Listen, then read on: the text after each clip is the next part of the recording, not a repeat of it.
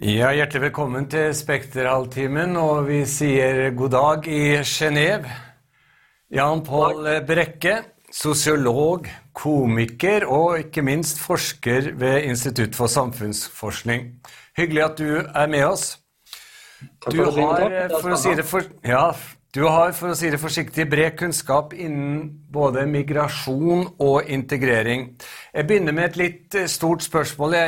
Hvordan har pandemien påvirket arbeidet for uh, integrering? Ja, altså jeg tror det har truffet sånn som i resten av samfunnet, så har det påvirket integreringen og innvandrerbefolkningen eh, veldig sterkt. Og det på mange måter.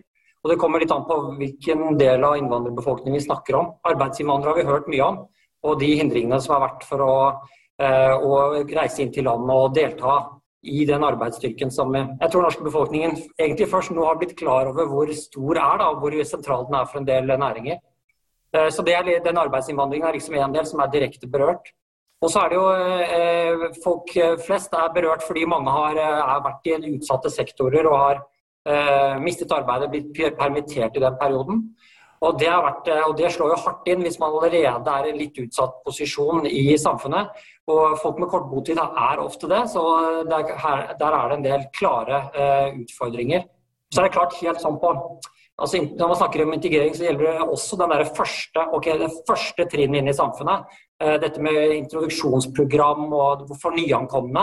Og det er klart, det og språkundervisning og sånn, det er uh, ofte den, den, liksom den, sterkeste kontakten disse menneskene har med det norske samfunnet og et litt bredere nettverk. da. Så når det faller bort og blir liksom litt over på Teams og Zoom og sånn, så, så, blir de også truffet veldig hardt. Så pandemien er tøff for, eh, for eh, mange deler av innvandrerbefolkningen. Mm. Så, så vi, vi, står kanskje i den situasjonen at det her er et etterslep som alle bør ta fatt i, som har noe med integrering å gjøre, for å ta igjen det som nå kanskje har gått tapt? Ja, altså jeg tror det er bekymring, en del bekymring. Man kan se sånn Ok, En av de viktigste arenaene eh, sånn fra samfunnsperspektiv er å sikre at folk fullfører videregående utdanning. Det har jo politikere vært opptatt av lenge. Man har gjort mye, mange tiltak og forsøkt å få til det. Men det er klart, akkurat den derre du kan tenke deg de prosentene av, uh, av uh, avgangselever i videregående skole eller i en annen gym, liksom, første annen gym, som, som står på, liksom, på nippet til å falle ut. Uh, og det er vanskelig å holde kontakt med osv. De blir spesielt utsatt når det blir hjemmeundervisning og det blir liksom lengre frem. Man får ikke sett disse menneskene hver dag, og da er det spesielt utsatt. Så jeg tenker at det er et sånt, et, skal vi si et sånt ja, det, er noen, det er noen veldig viktige år der og hvor samfunnet på en måte ikke har råd til å mislykkes. Fordi at eh, det, det får så veldig eh, lengevarende konsekvenser for den enkelte, selvfølgelig. Men ikke minst for samfunnet, som risikerer å ha folk som blir stående på utsiden. Så det ville vært akkurat det der å sikre at man får hanket inn det, og får virkelig satset på å få folk igjennom, det er eh, som da ofte altså Ofte er det folk med en innvandrerbakgrunn har en høyere frafallsrate, i hvert fall deler av innvandrerbefolkningen og etterkommerne. så Da er det viktig å følge med der og få det hanket inn det på en måte. For det er en sånn reell kostnad. Og så er det selvfølgelig folk som er permittert og er satt utenfor. At, de, at, man sikrer at de kommer inn igjen. Det er så dyrt å ha folk på utsiden av arbeidsmarkedet i Norge eh, og utdanningssfæren på en måte, sånn at man er nødt til å sikre det. Så her kreves det en innsats fra Det er veldig fokus da, fra alle. Men det er klart det er mye partene i arbeidslivet, andre samfunnsaktører, har mye å tenke på. Det er mye som skal komme i gang igjen. Men dette er i hvert fall et sånt sted som vi ikke har råd til å mislykkes. Nei, Det har du helt åpenbart rett i. Og det er jo en bekymring i Norge, og selvfølgelig i Europa og verden for øvrig, at denne pandemien spesielt går utover uh, ungdommen. At vi her kan få langtidsvirkninger, som du snakker om. Og da er jo den gruppen du nå snakker om, ekstra utsatt. Ja, så De får liksom flere, flere, ting oppå hverandre, flere utfordringer oppå hverandre, kan man tenke seg. Så at uh, dette med Og det er klart, hvis man hvis man, har, uh, altså hvis man bor i et uh, hjem hvor man ikke, ikke, er lagt opp til at foreldrene skal være hjemme og barna skal være hjemme samtidig, så er det en klar utfordring. Hvis vi tenker mer generelt på integrering, den, den inkluderende arbeidsgiveren Hva er det viktigste arbeidsgiveren kan gjøre for å styrke integrering? Altså, eh, Det er så mange grep som kan gjøres. Jeg tenker at Det første skrittet som en, som en arbeidsgiver kan gjøre og har liksom blikket på, er å få rekruttert og ta sjansen på en måte, hvis man er usikker på, på noe som er bitte litt mer ukjent enn det aller aller sikreste, liksom, som er å ansette fetteren som er utdannet samme sted. Eh, eller en av meg som har sett eh, har en helt liksom, klokkeklar norsk CV. Men at man, tar, at man har en aktiv politikk rundt det der. Og Det gjelder også den første ansettelsen selvfølgelig til folk hvor det er ekstra usikkerhet. fordi det, er ofte vanskelig å få dokumentert bakgrunn og formell kompetanse.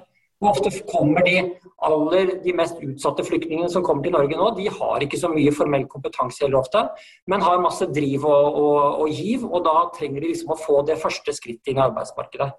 Så det, er, så det, å være åpen som arbeidsgiver for det der, for den si, den samfunnsoppgaven. da, Særlig når jeg så på listen av Spekter-medlemmer, så er det jo veldig mange store arbeidsplasser. Folk som jobber aktivt med det. Så det er klart, Da er det viktig at de, at de har den der bevisstheten hele tiden og har en aktiv politikk på den rekrutteringen.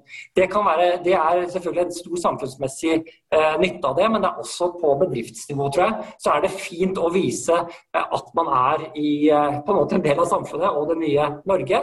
Og, at man, eh, og selvfølgelig så, man, eh, så får man da tatt i bruk hele landets kompetanse eh, og kompetanse til alle de som bor i landet. Så Det er, det er klart det, er, det, lønner seg også på sikt, og ikke minst for samfunnet. Så det du rett og slett, du har en oppfordring til Spekters medlemmer, og det er våge mer? Ja, på et vis, liksom, Hvis man sitter og tviler her, så kan det hende at eh, man setter i gang at man må lage prosesser og systemer som i hvert fall tar det hensynet. da. Og Det er jo ikke sånn at det er noe nytt heller. Men det er en slags kontinuerlig arbeid. Da. Det er stadig nye øh, Det kan være nye landgrupper som kommer, det kan være folk med, som har ulik liksom, øh, bakgrunn, som gir ulike typer usikkerhetsmomenter. Og, men det er det, da må man liksom være, ha et aktivt fremoverlent forhold til det. Og det er det mange bedrifter som har også. Men det er klart hvis det kniper inn altså skal si, en av, skal si, en av, Hva er bekymringene rundt pandemien liksom, når det gjelder arbeidsintegrering? Det kan jo være at det skjer såpass store endringer i det norske arbeidsmarkedet nå at de som har skal si, lavest formell kompetanse, eh, ligger dårligst an. Så F.eks. hvis det er en del eh, jobber som ikke kommer tilbake, og gjerne fordi at det er ny teknologi som tar over, eller Eh, man har funnet nye måter å jobbe på som gjør at man ikke trenger den samme typen eh, arbeidskraft som man gjør før. Så ligger innvandrerne, eh, så er det en del innvandrergrupper som kan veldig, stå veldig utsatt til. Da. Så Det kan være en bekymring at man har liksom Istedenfor å få tilbake de samme jobbene som de hadde før, så får man da et nytt arbeidsmarked med nye krav som det vil være vanskeligere å oppfylle hvis man ikke har bodd eh, kanskje lenge i landet. Så Det kan være en sånn, en sånn bekymring man har, men da gjelder det også å sikre at man tar i bruk all den kompetansen og den arbeidskraften eh, vi har. da. For å følge opp akkurat det, altså Pandemien har jo åpenbart skapt større forskjeller. Hvis du da vil, skal gi, Jeg ber deg gi et råd til partene i arbeidslivet. altså Hvordan, hvordan minske forskjellene? Altså Forskjellene kommer jo åpenbart også til å bli et stort tema i den valgkampen vi har begynt på her i Norge.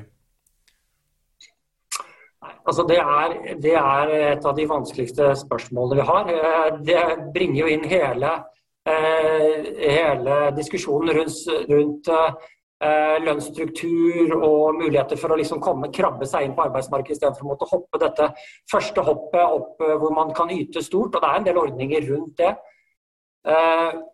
Men jeg, jeg tror at det pandemien har gjort, er at den har synliggjort en, at vi er altså på en litt annen, kanskje litt sånn store svulstige ord her, men det har jo synliggjort at vi er, alle de menneskene som bor i Norge, er et fellesskap.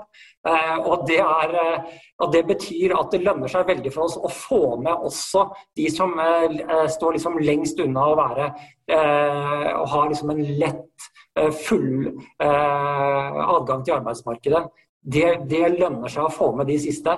Eh, og Det har jeg vært klar over, men nå har det blitt synliggjort ekstra, tror jeg. Fordi vi har fått noen eksempler på at en del står et godt stykke unna. Og det, er, eh, det har vi på en måte ikke Det lønner seg ikke i et land som Norge, hvor vi er avhengig av at liksom at alle skal med. Da. Det er jo Arbeiderpartiets eh, slagord, men det kunne like godt vært alle andre partiers slagord, føler jeg. Fordi man ønsker å få med alle som kan jobbe og ønsker å jobbe, inn i arbeidsmarkedet. Så jeg tenker at oppfordringen må bare være å ja, vi, vi ser jo Vi kan gi noe direkte ja. det er så bredt, da. Men det har skjedd en bevisstgjøring også på Det tror jeg kan være bra for, eh, for dere, for Spekters medlemmer også. At det har skjedd en bevisstgjøring i landet også på hvor avhengig man er, Norge er av arbeidsinnvandring. Så jeg tror det er det kan nok hende at det skjer en mentalitetsendring rundt det. og Folk har vært ganske positive til arbeidsinnvandring eh, så langt. Det må vi huske de siste 15 årene, liksom, fra det begynte i 2004. Eh, så det er, noe, det er, ikke noe, veldig negativitet rundt det. Men jeg tror man har fått en ny bevissthet av at ok, disse folkene kommer og bidrar, og en del av, av dem blir også i landet. Og det er noe vi må ta, ta, best mulig vare på, sånn at det er bra for dem selvfølgelig, men også at det er selvfølgelig bra for samfunnet. Vi, vi, vi har jo da sett at eh, bl.a. flere aspekters eh, medlemmer har jo vunnet slike mangfoldighetspriser. Posten, NRK og det som het Ullevål sykehus. Kan, har slike priser noen betydning i det arbeidet, integreringsarbeidet? Altså, jeg tenker at den typen priser har en betydning for de arbeidsplassene selv.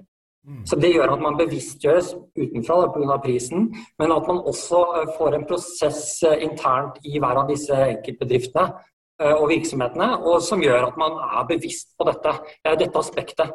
Eh, og det, jeg tenker at det er eh, utelukkende positivt, selvfølgelig, at det holdes oppe hele tiden. For det er noe som for det er et type perspektiv som må eh, man kan ha mange, Noen bedrifter har jo, og virksomheter har jo mangfoldsplaner og har liksom langsiktige, langsiktige strategier og sånn. Men det blir jo da bare, det blir bare forsterket, den, den typen ambisjoner, da, gjennom sånne priser selvfølgelig en oppmuntring til slutt, da, men det viktigste er jo, er jo, prosessen der. Og at folk eh, melder seg på eller fremmer et kandidatur. Og at det gir et sånn bevissthet internt og en, kanskje en stolthet også om at man er en, en eh, virksomhet eller bedrift som er 2021-bedrift, på en måte, og ikke, ikke liksom 1995. Mm. Jeg forstår at du har jeg oppfattet riktig at du, du jobber og forsker på, på, hva som skjedde rundt 2015 i forbindelse med flyktningstrømmen da? Er det, er det, noe av det du har funnet da i ditt arbeid der som uh, kunne ha vært gjort annerledes, spesielt fra arbeidslivets side? Eller har du ikke funnet noe som er nyttig i den sammenheng? Ja, altså det, det som skjedde etter 2015, var at det kom en uh Eh, rekordmange asylsøkere høsten 2015. Og så ble det innført en haug friksjoner i Norge og ellers i Europa. Grensene ble gjenopprettet internt i Schengen. Og man inngikk avtaler med Tyrkia og andre land som ligger utenfor Europa. Eh, så stoppet ankomstene. Eh, men i løpet av høsten så rakk man å mobilisere kommunene i Norge. Man oppmuntret til en dugnad. Og mange kommuner opprettet eh, på en måte giret seg og satt, laget et oppsett for at det skulle komme fortsatt mange asylsøkere til Norge. Og så kom det ikke det. Det var helt stopp. Så det som skjedde da jeg reiste rundt i 2016 og 2017 så i kommunene i Norge, så var de helt frustrert, for de hadde laget, rigget seg til til å ta imot og var liksom klare og positive. Og det skulle på en måte stilte opp på dugnaden med nye, fine raker og nydelig sånn overhold. ikke sant? Og så var, kom, var, det ingen andre på den dugnaden. Eller de, de, formannen i gården kom ikke, ikke sant. Så de kom ingen. Eh, så det var et sånn herre det var en slags skuffelse eh, som sitter litt i kommunene fortsatt. Og nå er det kommet få asylsøkere hele veien siden 2016. Um, så det, jeg tenker, Hva er lærdommen der? En lærdom for uh, Og da er det, uh, det, En lærdom er da at det er en enorm mobiliseringsvilje i landet, også i kommunene. Og da, Mange av disse kommunene hadde jo som en del av det inngått samtaler, avtaler, intensjonsavtaler med nær, lokalt næringsliv. Fordi det er, det, er, det er, en viktig del av, uh, av, kommunenes arbeid. Og for å lykkes med integrering er at de samarbeider veldig tett uh, med uh, lokalt næringsliv. Og lokalt næringsliv stiller ofte opp for å hjelpe akkurat både med den første introduksjonen, som kursingen, og så da selvfølgelig med senere arbeid. Så lærdommen der er at Norge er villig til å stille opp, og så kom det ingen. Og det har av ulike grunner, som sagt. Eh, men det er, jeg tenker at det er, en, det er et enormt potensial der. da. Ja, så det tenker jeg det er en viktig lærdom. Er det, er det mulig å si noe om hvilken type kommune som lykkes bedre enn andre i integreringsarbeidet, eller blir det et altfor generelt spørsmål? Nei, det er, jeg er åpen for alle generelle ja. spørsmål som er mulig å svare på. Ja, det er fint, det. Uh, nei, dette er Jeg tenker at uh, man har mange eksempler lokalt på at det fungerer godt. Sånne, det er noen kommuner, småkommuner rundt i landet hvor det fungerer veldig godt. Og selvfølgelig arbeidsinnvandringen er jo allerede på en måte preintegrert arbeidsmessig. da. Så da er det mer snakk om det sosiale integrering og langsiktig integrering av familier som eventuelt kommer etter og sånn. Så det er en diskusjon f.eks. langs kysten i Nord-Norge og på Vestlandet. Eh, er det om hvordan integrerer man arbeidsinnvandrere som i utgangspunktet bare kommer kanskje for en sesong eller ikke, og, eller for kortere perioder. Eh, men, men, eh, men, så er det selvfølgelig Storbyen har sine egne utfordringer når det gjelder integrering. Men man har hatt altså, en styrt bosetting i Norge for nyankomne. Og det tenker man nok at har fungert. I og De siste årene har man skjermet enkelte bydeler i Oslo. Eh, og jobber med og Tanken er at det er at det blir god integrering av at folk får en start i mindre, på mindre, noe mindre steder.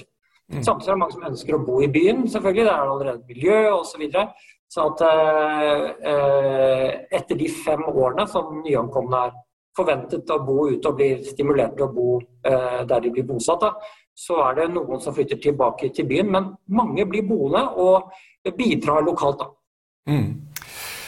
Ja, Pål, som du vet, vi er midt inne i valgkamp, som vi allerede har vært innom. Hvis du skal gi uttrykk for ett ønske. Hvilket spørsmål når det gjelder integrering som bør få bred plass i valgkampen? Hvilket spørsmål, hvilket emne vil du da trekke fram? Altså jeg tenker at det, vil, eh, det, det presser seg frem nesten naturlig. Eh, hva med hva post pandemi eh, for, for ulike deler av innvandrerbefolkningen? Hvordan skal vi håndtere det? Mm. og selvfølgelig hvordan skal man Eh, forvalte det ansvaret det er å forstå skjevheter i smitte i ulike deler av innvandrerbefolkningen. Så det krever en del sånn sårbarhet tror jeg, i den prosessen frem mot valget.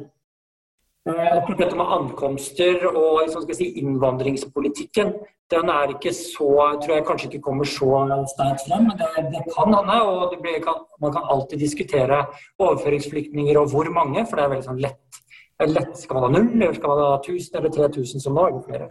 Så Det er liksom et lett for politikerne å ta i. Man trenger, trenger ikke så mye kunnskap for å kunne liksom prøve å skru den opp og ned den knappen og prøve å markere sitt partis uh, ståsted. Da. Jeg mm. tenker det kommer, men på integreringsfeltet så er det få folk inn i arbeid igjen og sikre det, og sikre at uh, ikke for mange jobber forsvinner. Det tenker jeg blir det, det sentrale spørsmålet. Teatersport er et stikkord når det gjelder deg. Eh, du driver jo med humor og improvisert teater, da, som teatersport eh, vel er. Er det noe herfra, fra denne delen av eh, livet ditt, som partene i arbeidslivet kan lære av, f.eks. For i forbindelse med pandemien? Altså, vi, vi som jobber vi som er, driver med teatersport, sånn improvisert teater på scenen, hvor vi finner på ut fra innspill fra publikum Uh, Teatersport Oslo er en sånn gruppe som vi holder på med. Uh, spilt i alle år. Og Da blir vi ofte spurt av folk i næringslivet og i offentlige virksomheter om å komme og fortelle litt om hva vi gjør. For det gjør da at vi er på scenen, og så finner vi på scener der og da uten å kunne si hva vi gjør. på en måte. Vi må bare uh, kommunisere ekstra godt på scenen og være veldig bevisst på, på, det vi gjør, sånn at vi kan få det til å bli interessant da, for publikum, som tross alt har betalt for å komme. selv om det er veldig rimelig. Eh, jo, og, det, eh, og det, det, vi ofte viser da, er hvordan vi leser de andre. Hvordan vi er til stede liksom, fullt og helt på scenen. Og hvordan vi klarer å være tydelige for de andre. Hvordan vi klarer å se de andre nok til at vi klarer å spandere liksom, lynraskt på det som eh, oppstår. da. Og da er, det, eh, da er, det, et par sånne ting vi eh, forteller om. og Det ene er selvfølgelig at vi har, det er såpass få ideer i omløp at vi må bare ta det som kommer, og følge på den andre og bygge på den andre. Så det er en sånn veldig sånn positiv modus ikke sant? Sånn som folk kjenner. Eh, og I visse faser i arbeidslivet så er det viktig. Og I tillegg så må vi da lese den andre personens status. Og status noe som noe man gjør på scenen. ikke sant? Vi legger oss over og under hverandre. med det vi sier, måten vi sier det på, og måten vi liksom oppfører oss på. Så hvordan, hvordan funker dette overført til Nå sitter vi alle i Teams og Zoom-møter hele dagen. Og da er, det, da er, dette veldig vanskelig. Ikke bare at det er vanskelig å lese kroppsspråk, men det er vanskelig å se folk også, og få folk til å føle seg sett. Så det, eh, så jeg, og det, jeg har kjent det selv. Jeg har jobbet eh, som leder for en gruppe på 15 forskere i starten av pandemien, de første ni månedene. Og da er det Altså, det er det å få folk til å føle seg sett på jobben der de sitter i hjemmekontoret, det er ikke lett. Altså. Så det her det krever liksom at man responderer riktig. Man blir ofte litt sløv på hvordan man responderer. Eh, og man lytter ikke ordentlig ofte. Og det er jo masse fristelser på maskinen osv. Så, videre. så jeg har noen sånne ledervenner nå som sier at de konsekvent de sitter sånn med armene når de er i møte med medarbeiderne sine. Så sitter de, hendene må synes, da. Fordi hvis de er sånn, så mister, og man liksom ser litt, litt, sånn, så mistenker folk med en gang at du sitter og, og, og skriver. Og det er veldig fristende å skrive òg. Ofte er det litt kjedelig det folk sier. Eh, og det er eh, ikke ansatte, selvfølgelig, men eh, andre. Og så når man skriver, så, så, så, så mister man fokus. Altså det er ikke, for man må være helt til stede. Og så være veldig nøye, fordi folk blir så sårbare at man må være nøye med om man legger seg over eller under, om man liksom dytter folk ned eller gjør dem større. Det er, og det er lettere sagt enn gjort, for det, ofte blir man som sagt litt utålmodig. Vi har mange på skjermen, og man, og man liksom er keen på å komme seg videre til neste møte. Så det å være helt til stede, og så heller sette en ordentlig agenda man, og en avslutningstid, men være helt til stede i selve møtene, det tenker jeg er, det kan overføres fra scenen og hit. For hvis vi ikke gjør det på scenen, hvis vi er sløve og ikke følger med, så ser publikum det med en gang. Man blir avslørt med en gang. Og det blir ikke noe morsomt heller. Så, og, det er og, det er ikke lett å få humor på skjermen når man skal eh, gjøre Teams-møter og sånn, men, men, det man kan eh, ha, liksom, det man liksom kan forplikte seg til, er å være helt til stede. Jobbe med det. Kloke ord fra Jan Brekke. Tusen takk for at du var med i Spekter halvtimen. Takk.